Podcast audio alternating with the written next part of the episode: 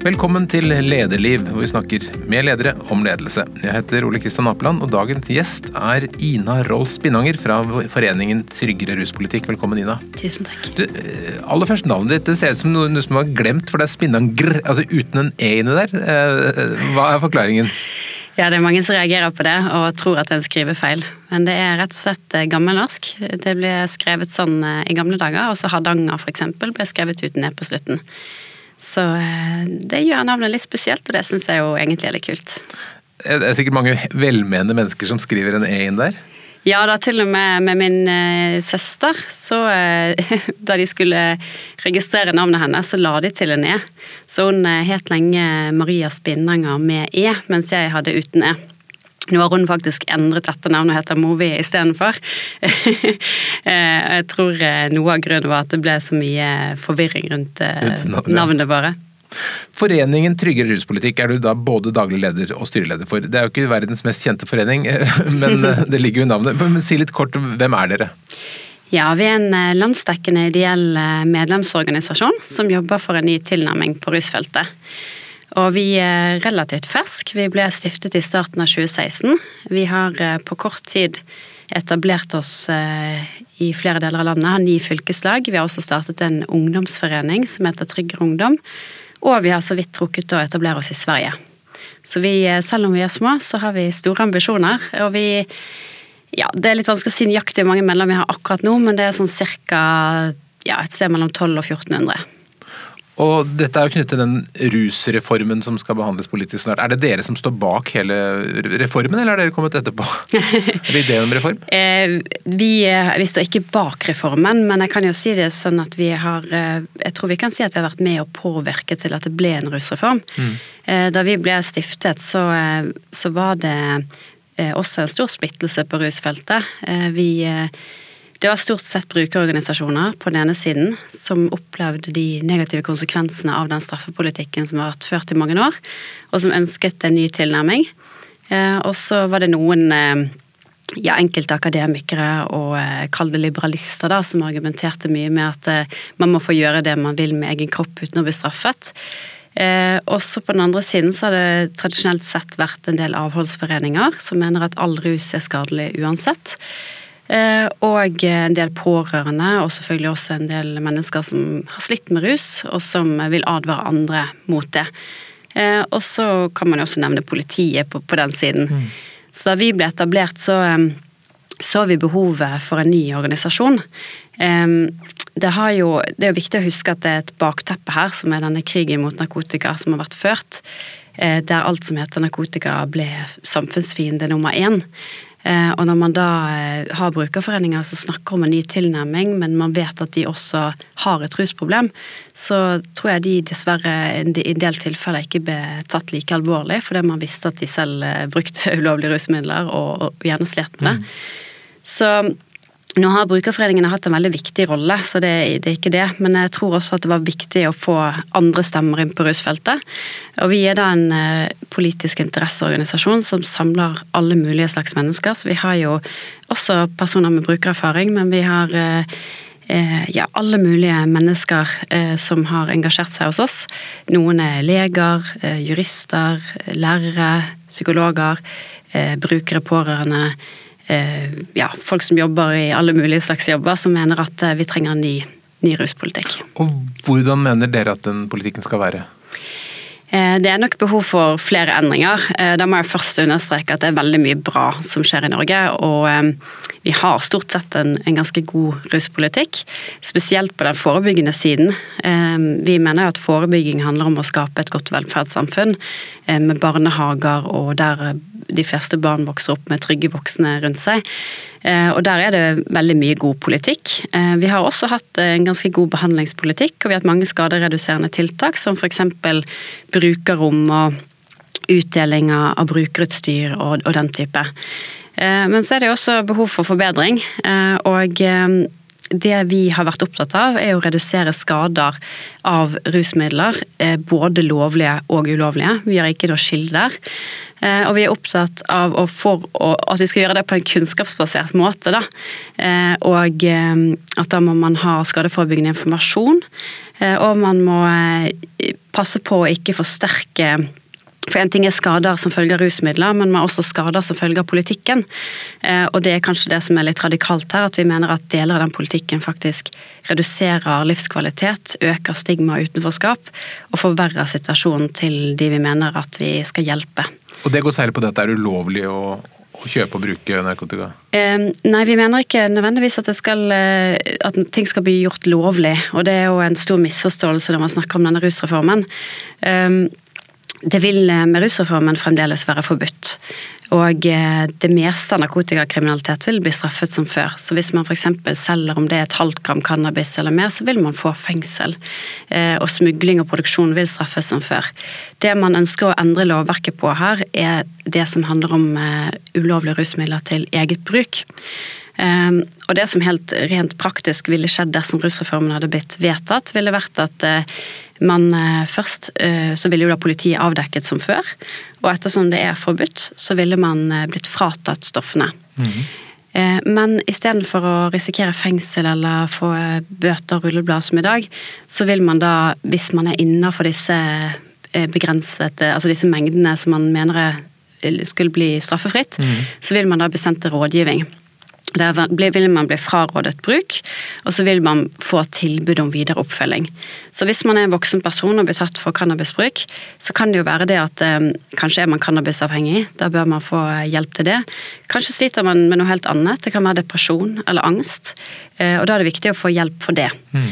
Og så er det mange som har vært veldig bekymret for de unge, eh, og jeg tror ikke vi har vært flinke nok til å kommunisere at eh, hvis man er under 18, så skal foreldre også møte de vil også få da et gebyr hvis ikke de møter opp. Ehm, og barnevernet vil kobles på dersom det er bekymring, og det er det jo gjerne hvis det er unge mennesker som ruser seg. Og da er det muligheter for tvang og, og, tett oppfølging. Det vet jo de fleste som i hvert fall kjenner barnevernet, at der er det ganske mye man kan gjøre. Så hovedpoenget deres er at det skal være behandling istedenfor straff? Ja, man skal møtes med omsorg og tillit istedenfor å true folk med straff. Eh, og i starten så var vi opptatt av å vise det at straff ikke ser ut til å fungere. Man har ikke klart å finne noe bevis på at straff verken virker forebyggende på antall rusmiddelbrukere eller på hvor mange som får et rusproblem. Eh, og det er gjort mange eh, såkalte metastudier hvor man har sammenlignet eh, land med hverandre. Man har sammenlignet land som har innført en strengere ruspolitikk med sånn som det var før og etter. Og man har altså ikke klart å se at Ikke klart å finne bevis da, for at straff er et effektivt virkemiddel for å bekjempe bruk. Men vi har jo da innsett at eh, folk føler at straff fungerer. Eh, og eh, man er nok farget av denne krigen mot narkotika som gjør at man fremdeles tenker på noe, de stoffene som står på narkotikalisten som noe særegent og spesielt farlig. Og da vil jeg understreke at det er veldig mange av de stoffene på narkotikalisten som er farlige, men det er veldig store variasjoner. Og da har man på en måte ment at, at det å kriminalisere et nødvendig onde, da, mens vi, vil, eh, vi ønsker å få frem at kriminalisering det fører til stigmatisering. Og eh, det bidrar til det utenforskapet som vi mener forsterker problemene eh, og gjør det vanskelig å slutte. Hvordan er dette i praksis i dag, når, hvis jeg blir tatt med cannabis i dag, hva, hva skjer da? Det kommer an på hvor mye du blir tatt med, mm. men du vil risikere Eh, bøter. Du får bøter og, og rulleblad, eh, og du eh, vil gjerne bli fratatt sertifikatet, selv om mhm. du aldri har kjørt i russetilstand. Mhm. Du vil også kunne da få fengsel hvis det er snakk om at du oppbevarer større mengder, selv om det er til egen bruk. Og hvis du produserer cannabis til eget bruk, så vil du også bli, bli straffet hardt for det. Mm.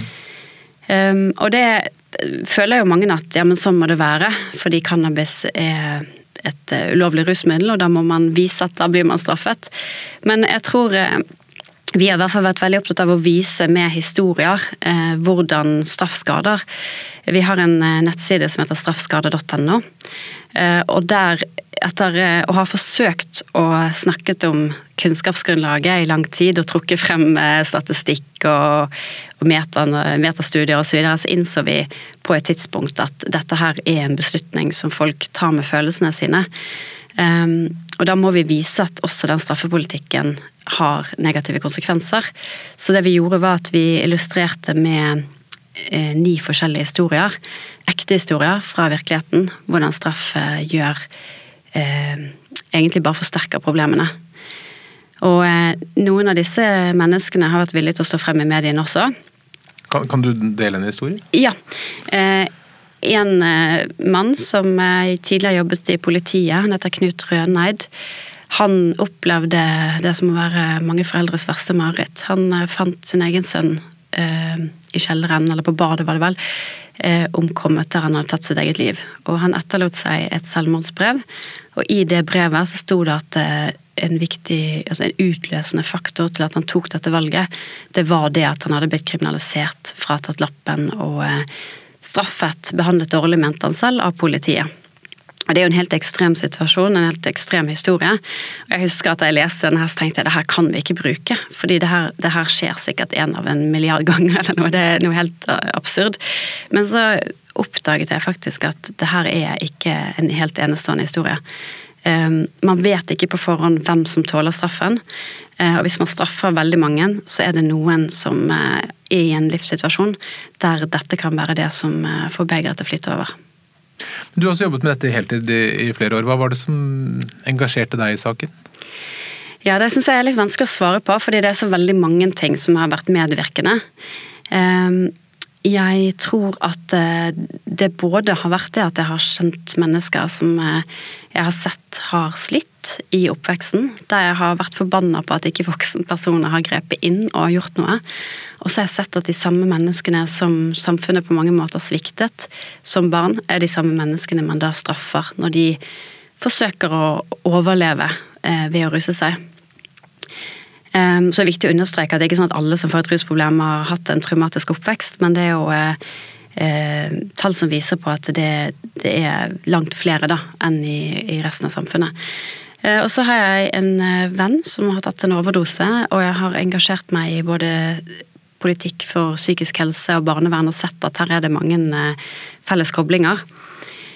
Um, og så tror jeg det at uh, mange av oss som har engasjert oss i det jeg kaller for rusreformbevegelsen, for dette er jo ikke bare oss, det er mange organisasjoner og mange mennesker som er engasjert i dette. Uh, mange av oss har nok um, blitt berørt på ulike måter. Uh, noen har vært pårørende, noen har selv hatt et rusproblem.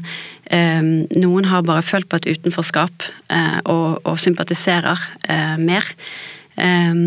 Så jeg har ikke hatt eh, rusproblemer eller vært pårørende for, i akkurat den sammenhengen. Men jeg har nok også følt litt på hvordan det er å, å stå litt alene av og til. Og, og følt for å ja, stå litt opp for, for de, jeg, de, jeg, mener blir utsatt for en urett. Mm. Hva var det som gjorde at du kom inn i akkurat den foreningen? Eh, det var en rekke tilfeldigheter. Jeg hadde vært engasjert i Trondheim Venstre, flyttet til Oslo. Ehm, og eh, begynte å skrive Jeg ønsket å engasjere meg da i en brukerforening.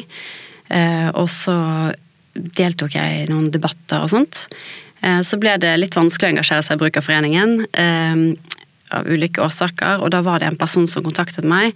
Vi ble da en liten gruppe som snakket sammen på sosiale medier, og en som heter Bård Standel, som, som da sa til meg at vi må starte en ny forening, og du blir leder. og det hørtes jo ut som en vits i starten. Um, men jeg skjønte på etter hvert at han mente alvor, og jeg så at det var et stort engasjement. Uh, og jeg skulle da ut i mammaperm og følte at jeg hadde noe å bidra med. Så, så du brukte det. permisjonen til å eh, starte organisasjon? Ja. Og en av grunnene til at jeg tror jeg ble valgt, var nok det at jeg var kvinne og ung, og at det var behov for et nytt ansikt. Fordi eh, rusfeltet har vært dominert mye av menn, spesielt på den siden som ønsker en ny ruspolitikk. Og så har det vært mer kvinner som har representert avholdsforeningene og, og, og den siden av, av, politikken. Så det tror jeg også var eh, en viktig årsak, da. Og hvordan har du tenkt når du da har bygget dette fra, fra hjemme med, med, sikkert amming og, og nattevåk til å bli en stor organisasjon? Eh, først må jeg si at eh, det var et helt fantastisk team å starte med. Det var det beste utgangspunktet man kunne hatt. Eh, det var eh, Helt fra starten så hadde vi jurister, vi hadde personer som hadde erfaring fra mediene, vi hadde en designer. Eh, vi hadde alle mulige mennesker som bare viser seg å være den perfekte kombinasjonen, syns jeg. Så det gjorde det veldig enkelt. Og min viktigste rolle har egentlig vært å koordinere og ta imot nye mennesker som ønsker å engasjere seg. Og la folk få lov å bidra. La folk få lov å slippe til.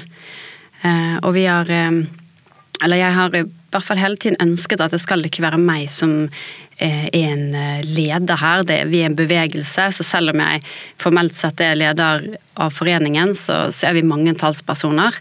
Og det har vi vært helt fra starten av. Og det har vært veldig viktig at eh, vi har en person som har hatt rusproblemer, vi har en som er jurist og, og har vært forsvarer i mange år.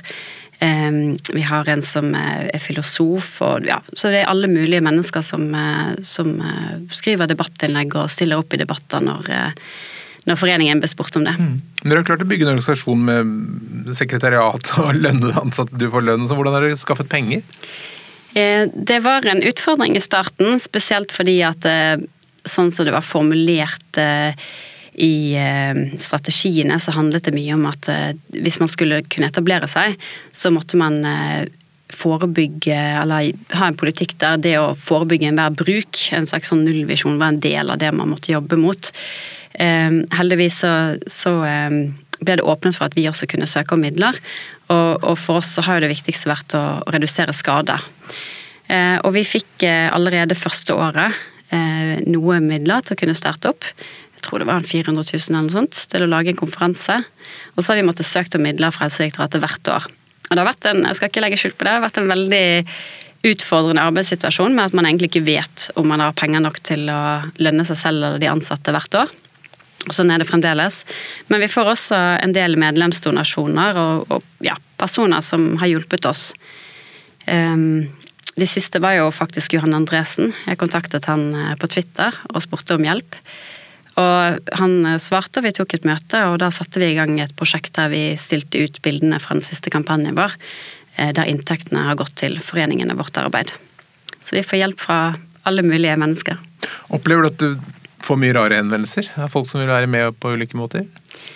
Ja, det var nok mest i starten, da vi eh, måtte vise litt Jobbe litt med vår egen identitet av hvem det er vi skal være og hvem vi har med oss. Men eh, jeg ser egentlig ikke Jeg syns ikke jeg får så mange rare henvendelser i dag. Det er um, veldig mange uh, mennesker som har mye å bidra med. Enten det er med personlige historier, eller uh, at de er flinke å skrive, eller bidra på andre måter. Så det er egentlig bare utrolig gøy å få lov å, å være leder i en sånn organisasjon. Men nå er det sterke krefter som vil legalisere Canada, altså sånn, sånn, som i Amerika. Sånn. Mm. er, det, er, det, mange som tror at dere er det? Ja. Um, og det, det, er, det, er, en veldig utfordrende ting med å stå i eh, rusreformdebatten. Det er det at folk har veldig sterke følelser til ulike ord. Så det har vært viktig for oss å forklare forskjell mellom avkriminalisering og legalisering. Mange har jo trodd og tror fremdeles at avkriminalisering kanskje betyr at det ikke skal være forbudt lenger, at ting skal bli lovlig. Um, så, og, og, det er klart, eh, Våre meningsmotstandere har også hatt en stor interesse av å klistre disse begrepene sammen. Ja, For det er blitt fremstilt som en frihardsorganisasjon. Ja, og veldig ofte når vi snakker om avkriminalisering, f.eks. en ordfører fra Arbeiderpartiet som også har bakgrunn fra Juvente, han skrev i sosiale medier at jeg er imot legalisering og økt tilgjengelighet for unge. Eh, og derfor er han imot rusreformen. Mm. Og dette her har jo virkelig ingenting med hverandre å gjøre. Legalisering er ikke det samme som avkriminalisering, og det er altså ingenting som tilsier at bruk skulle øke med rusreformen.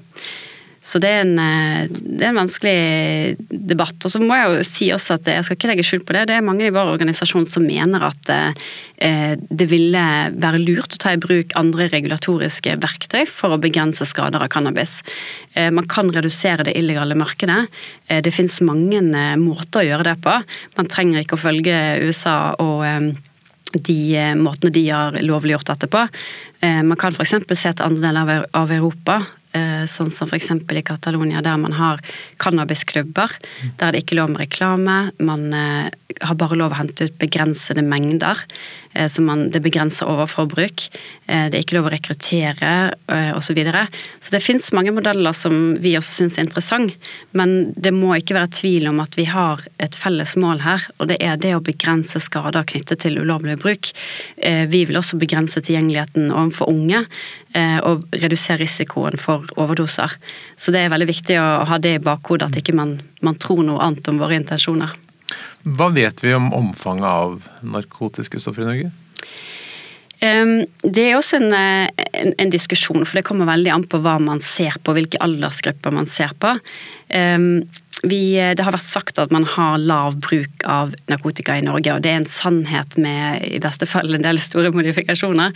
Eh, det stemmer at vi har lav bruk i de yngre gruppene. Eh, det er vel 16 18. Hva vil det si? Hvor mange 16-18-åringer er det som bruker noe? Prøver noe? Akkurat de tallene tør jeg ikke ta i hodet, men det jeg i hvert fall husker er at hvis man ser på videregående, så, så endres tallene. Eh, F.eks. videregående tredjeklasse blant gutter, så var det så mye som 40% som hadde prøvd cannabis. Ehm, så hvis man ser på universitetene, sånn, så, blir det enda mer utbredt. Eh, og det vi også vet, er at på vestkanten i Oslo Eh, og blant folk med høyere utdanning så brukes det faktisk mer ulovlige rusmidler enn på østkanten. Eh, likevel så er det slik at barn av foreldre med lavere utdanning har syv ganger større sjanse for å bli tatt for cannabisbruk. Så her er det en straffepolitikk som rammer usosialt. Eh, det vi også vet, er at de aller fleste som bruker ulovlige rusmidler, har ikke et rusproblem. Og når jeg sier det, så er det jo viktig å huske på at ulovlige rusmidler det er veldig mye forskjellig. Så det er jo alt fra psykedeliske stoffer som, eh, jeg, som nærmest ikke har, eller ikke har avhengighetspotensial, eh, også til eh, eh, ja, fra cannabis til opiater. Mm. Så, så, her er det store variasjoner. Og det er ikke bare ungdom, det er også ganske mye blant voksne? Ja, og det finnes i alle miljøer. Jeg har eh, jeg kan si det at jeg jobbet i Sintef i Trondheim en stund.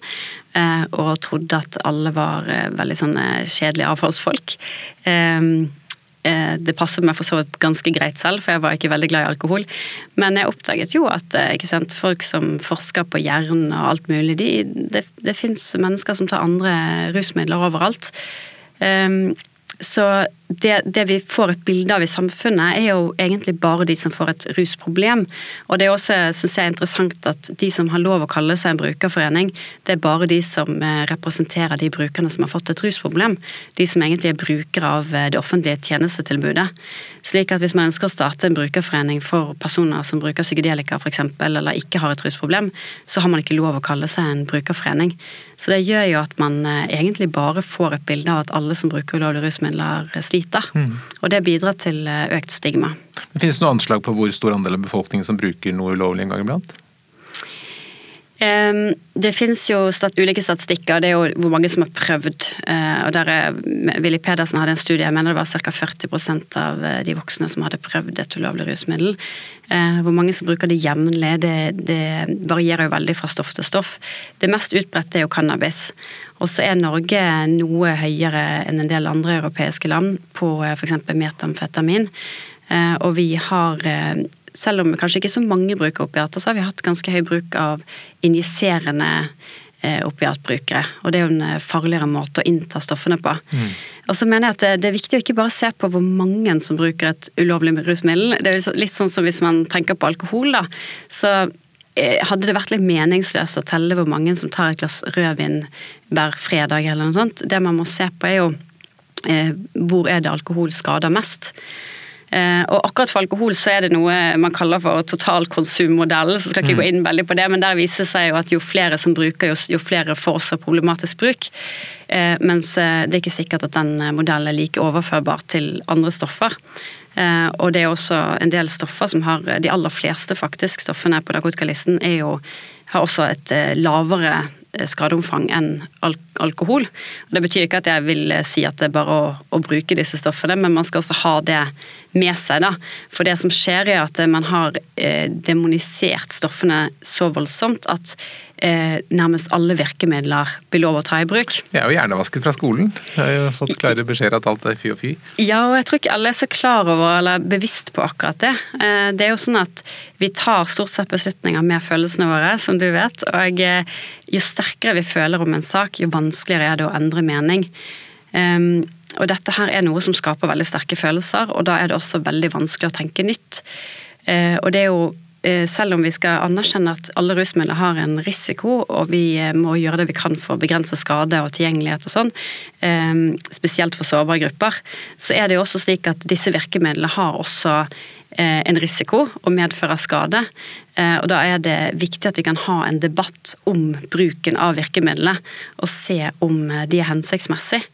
Eh, det er litt sånn som i krigen mot terror, at eh, hvis man stiller spørsmål så kan, ved virkemidlene, så kan man ikke sant, Er du for terror? Jeg Syns du at man skal ha terror i Norge? Mm. Eh, og det, det, er sånn jeg føler at det har vært her også, at man kan virkelig Man må kunne stille spørsmål ved virkemidlene uten at man skal bli tatt til inntekt for at man syns at narkotika er bra, eller at ulovlige rusmidler er greit. Men hvis det ble sånn som dere ønsker da, at det ble avkriminalisert, hva tror du ville skjedd med bruken? Ville flere da brukt narkotikastoffer?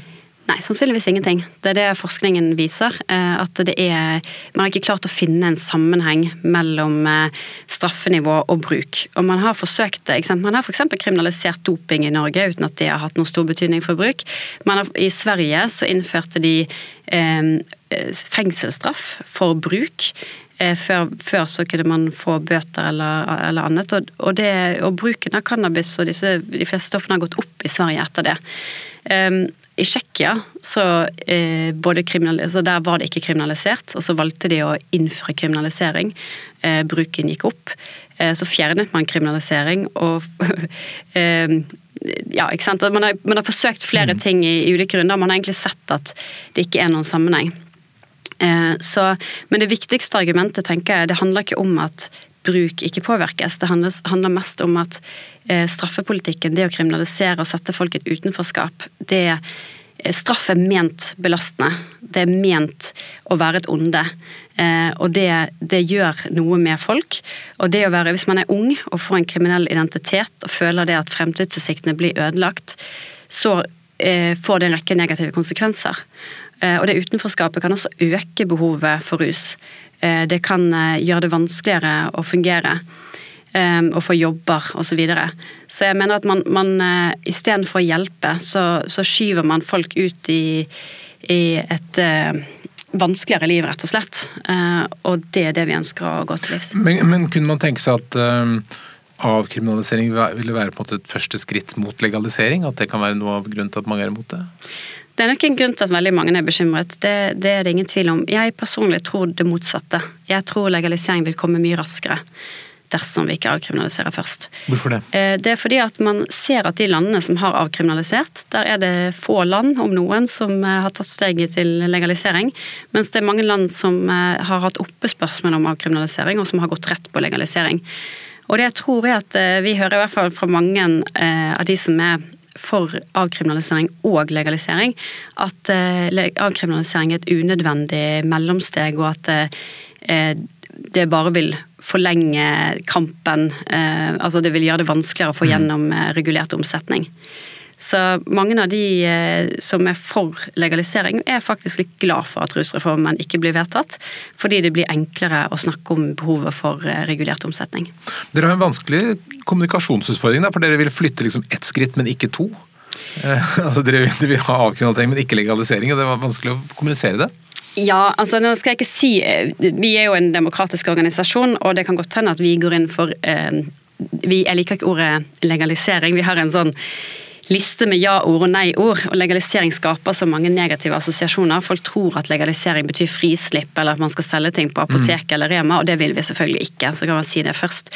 Men vi er en demokratisk organisasjon. Det kan godt hende at vi vil jobbe for at enkelte stoffer blir eh, kontrollert på en annen måte enn i dag. Et eksempel som jeg vil kalle en form for legalisering eller lovliggjøring, det er faktisk heroinassistert behandling. Mm. For det man gjør er jo å lovliggjøre heroin overfor en liten gruppe. Og ikke bare det, men de får det til og med gratis av staten. Mm. Eh, og det er jo for å redusere det illegale markedet og hjelpe de som er heroinavhengige. Og Det syns jeg er en veldig fornuftig tilnærming, og det har vist seg å fungere. Er, er det noe som skjer i dag? Ja, Norge vil implementere heroinassistert behandling nå. Og det har vært gjort i mange andre land med stor suksess. Ehm, så jeg synes Det viktigste er å ikke binde seg for mye opp til hva altså Man må ha en kunnskapsbasert tilnærming, og vi er villige til å se på alle de virkemidlene som finnes for å begrense skader knyttet til rus, og for å begrense skader knyttet til rusmiddelpolitikken. Eh, og jeg personlig er veldig fan av løsninger der de som f.eks. er storforbrukere av cannabis, hvis man kunne fått de til å eh, ha lovlig tilgang, eh, men der man må? Det kan være enten en attest fra lege eller et eller annet som gjør at man får den tilgangen. Der det er aldersgrense, der det er uttaksbegrensning, der man kan dyrke lovlig eh, i, med sterkt kontrollerte eh, forhold, da, slik at man f.eks. kan redusere THC-nivået. THC er jo litt, eh, altså et virkestoff i cannabis som er litt som som eh, alkohol, at man vil ikke ha for høye nivåer av THC, i hvert fall ikke opp mot eh, det som heter CBD-nivå, som er litt mm. som en motgift. Uansett, eh, det er mye man kan gjøre, da. Ehm, for å begrense skadevirkningene. Jeg syns at det ville være veldig uheldig å kaste alle løsninger over bord um, uten å først ha en kan si, rasjonell tilnærming til spørsmålet og se hva som faktisk kan fungere. Det er også um, Norsk Tipping har jo innført en uh, en veldig interessant løsning med sånne selvvalgte kvoter. Der du i starten av måneden sier hvor mye du har på en måte råd til å spille bort. Og så etter det så kan du ikke bruke mer penger. Og jeg tror jo eh, Det er mange sånne spennende løsninger man kunne hatt. Kanskje burde man også hatt det for alkohol eller eh, tobakk. Velge på og velge kvoten i begynnelsen av uka eller måneden, ja. ja, ja. Eh, altså det er veldig mange eh, regulatoriske virkemidler. Eh, Eh, og selvvalgte, altså sånn at du kan velge selv, som jeg tenker kan være spennende for å begrense skaden av rus i samfunnet. Eh, og jeg tenker at vi må holde døren oppe også for regulert omsetning av enkelte stoffer. Eh, men selvfølgelig med mål om å redusere tilgjengeligheten, redusere det illegale markedet og redusere skader av de samme rusmidlene. Dere prøver å få da til en endring som må gjennom i Stortinget. Redegjør kort for hvordan de ulike partiene står her. Ja, eh, så Høyre, med Høie i spissen, eh, endret mening om dette i eh, 2015-2016. Eh, og det må jeg jo si at jeg beundrer ham veldig for. Her er det få ledere som tør å, å gjøre en så stor helomvending, og spesielt politikere som er, er avhengig av å bli gjenvalgt. Eh, så eh, Høyre er eh, Noen har prøvd å slå tvil om hvorvidt Høyre faktisk er virkelig for dette, men det kan jeg berolige alle med at det er stor støtte eh, fra Høyre.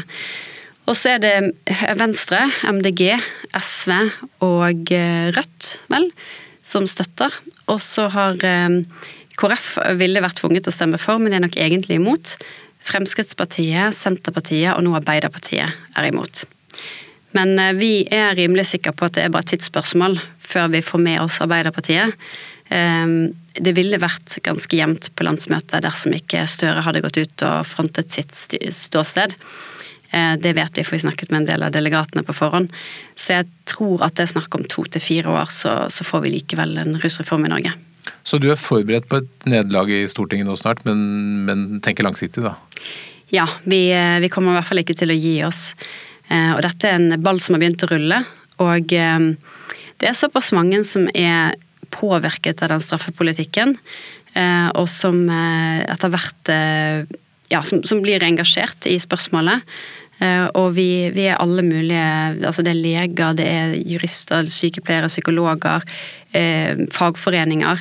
Eh, hvis man ser på de høringssvarene som kom til eh, rusreformen, så var det eh, også veldig bred støtte. Selvfølgelig også en del organisasjoner som, som var skeptiske, men det var med ulike begrunnelser.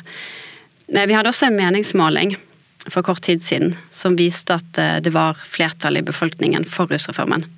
Så det gjør meg ganske trygg på at vi vil vinne frem til slutt. Hva mener politiet? Politiet har vært skeptiske, eh, og vi syns kanskje at de har gått litt eh, langt i å skulle påvirke politikken. Jeg tror ikke man hadde hatt samme toleranse dersom politiet hadde engasjert seg like mye i innvandringspolitikken eller i andre spørsmål. Men det som er veldig spesielt nå Vi har jo hevdet at politiet mest sannsynlig bryter loven. Som er eh, selvfølgelig upopulært å si. Men det kom en klargjøring fra Riksadvokaten Eh, der han sa at eh, en del av de tvangsmidlene som politiet har brukt, ikke er noe de har lov å bruke. Helt konkret hva da? Så i dag eller det som har vært hevdet, er at man kan ta i bruk f.eks. tvungne urinprøver, eller det å ta blodprøver av personer som ikke vil, eller gå gjennom folks mobiltelefon eller ransake leilighet for å bevise bruk. Det har Riksadvokaten gjort helt klart at det har de ikke mm. eh, mulighet til. Og det kan til og med være straffbart for politiet dersom de, de bruker sånne virkemidler. Um, og det gjør faktisk at vi er i en litt absurd situasjon, fordi selv om vi ikke får rusreformen, så er dagens eh, politikk slik at dersom eh, en person blir tatt for eh, at man ser ruset ut, men man ikke har noe på seg, og hvis man nekter for at man har inntatt noe, så er det faktisk ingen måte politiet kan bevise dette på. Og da må man bare la personen gå. Så i praksis så har man nærmest avkriminalisert bruk fordi man står uten virkemidler. Så fremt selvfølgelig personen ikke innrømmer noe. Mm. Eh, dersom rusreformen hadde blitt vedtatt, så ville det såkalte beviskravet blitt mye lavere. Fordi personen ikke risikerer straff, så blir beviskravet lavere. Og det ville i praksis bety at politiet, uten å måtte bevise at du har brukt noen ting, så kan de da eh, mene at det er grunn nok til å tro det, og da vil du kunne bli pålagt eh, denne rådgivningstimen, og, og også få gebyr hvis du ikke møter. Så det ville faktisk vært strengere reaksjoner, eh, og flere ville kommet i kontakt med hjelpeapparatet dersom rusreformen hadde vært vedtatt. Men ville hjelpeapparatet ha kapasitet til å håndtere dette? Eh, det er jo det store spørsmålet, og der syns jeg jo Arbeiderpartiet har eh, hatt rett i sin kritikk, at her må det følge med nok midler. Eh, fordi det er jo En ting er jo ikke sant, eh, rusbehandling, men det er jo f.eks. lange Man må gjerne vente et halvt år for å få lov å komme til psykolog. Så hvis man kommer til rådgivning og forteller at man har psykiske problemer og gjerne skulle snakket med noen, så er det jo overhodet ikke akseptabelt hvis man da må vente et halvt år. Eh, så, så det å bygge ut hjelpeapparatet, det ville vært veldig viktig. Eh, og, og, på den måten så tror jeg nok kanskje rusreformen ville kunne koste litt mer enn det man først så for seg. På den annen side så er det jo også Eh, en eksisterende infrastruktur. Vi har f.eks. Nav. Vi har eh, kommunalt ansatte som jobber med rus. Så det er veldig mye som, som ligger på plass allerede. Eh, en annen viktig en annen viktig del her er jo det at vi mener at med rusreformen så ville flere turt å be om hjelp. I dag så er det jo en situasjon der folk til og med når man tar en overdose, Eh, er redde. Eh, vi gjorde en undersøkelse som viste det at hele 38% av de som har vært i en nødsituasjon knyttet til ulovlig rus, hadde opplevd at ambulanse aldri ble tilkalt. Og jeg må si at da jeg så tallet, så trodde jeg ikke på dem. Eh, det er helt hinsides og uakseptabelt. Men den frykten, selv om ambulansepersonell har taushetsplikt, så er det en stor frykt blant brukere. Og den frykten er ikke bare i nødsituasjoner, det er generelt. Man tør ikke engang å dele med familie og gode venner ofte at man ruser seg, og man tør gjerne ikke å be om hjelp. Så jeg tror en annen konsekvens dersom rusreformen hadde blitt vedtatt nå, ville vært at flere ville turt å be om hjelp, og det ville nok også belastet helsevesenet noe mer. Dere har en veldig gripende film på nettsiden deres. Kan du beskrive innholdet i den? Ja, eh, tusen takk. Jeg er veldig fornøyd med at vi fikk til å lage den filmen. Det er en eh, situasjon med tre unge jenter som eh, ønsker å prøve MDMA. Og det er også et stoff som er blitt ganske utbredt, spesielt i Oslo, blant unge. Eh, og det, dette tar de. Det som er problemet når man kjøper noe illegalt, er at man vet aldri helt om man har fått det man har bedt om. Så de tar det, og de vet heller ingenting om dosering. Så de prøver seg litt frem og fordeler posen mellom seg. Og en av de blir dårlig istedenfor å ringe til ambulanse eller foreldre med en gang, så eh, fordi man er usikker på symptomene, man ser at personen er varm og kanskje blir kvalm og, og, dårlig, så blir man usikker på om det er grunn nok til å ringe ambulanse. Fordi man har mye høyere terskel for å ringe. Og dette er jo en situasjon vi vet har skjedd gjentatte ganger, um, og som det var viktig for oss å advare mot. Ja, og da, da går det galt. Da går det galt. Eh, og eh, for oss så tenker jeg at hvis man, er, hvis man er i tvil på hva man mener om rusreformen, så ville jeg egentlig ha stilt meg selv det spørsmålet at ja, jeg, kom, jeg har en sønn selv på fem år. Jeg kommer til å fortelle han at han bør holde seg unna helst alle rusmidler. Eh, I hvert fall til han er helst 25 eller noe sånt. Mm. Men uansett hvor mye jeg understreker det, så vet jo jeg som forelder at det er ikke sikkert at han vil lytte til mine råd. Det kan hende han havner i en situasjon hvor han ikke sant, er med venner og har lyst til å prøve noe nytt. Og da er spørsmålet vil jeg at han skal vite noe om dosering? Vil jeg at han skal vite noe om at det er viktig å teste stoffene før man tar det? Eh, vil jeg at han skal vite at han er trygg, at uansett hvis han blir dårlig eller gjør noe dumt, så kan han ringe hjem og fortelle det til meg, og han kan alltid ringe til ambulanse. Mm. Og Der tror jeg alle vil være enig med meg at det tryggeste er at man vet at man kan ringe hjem.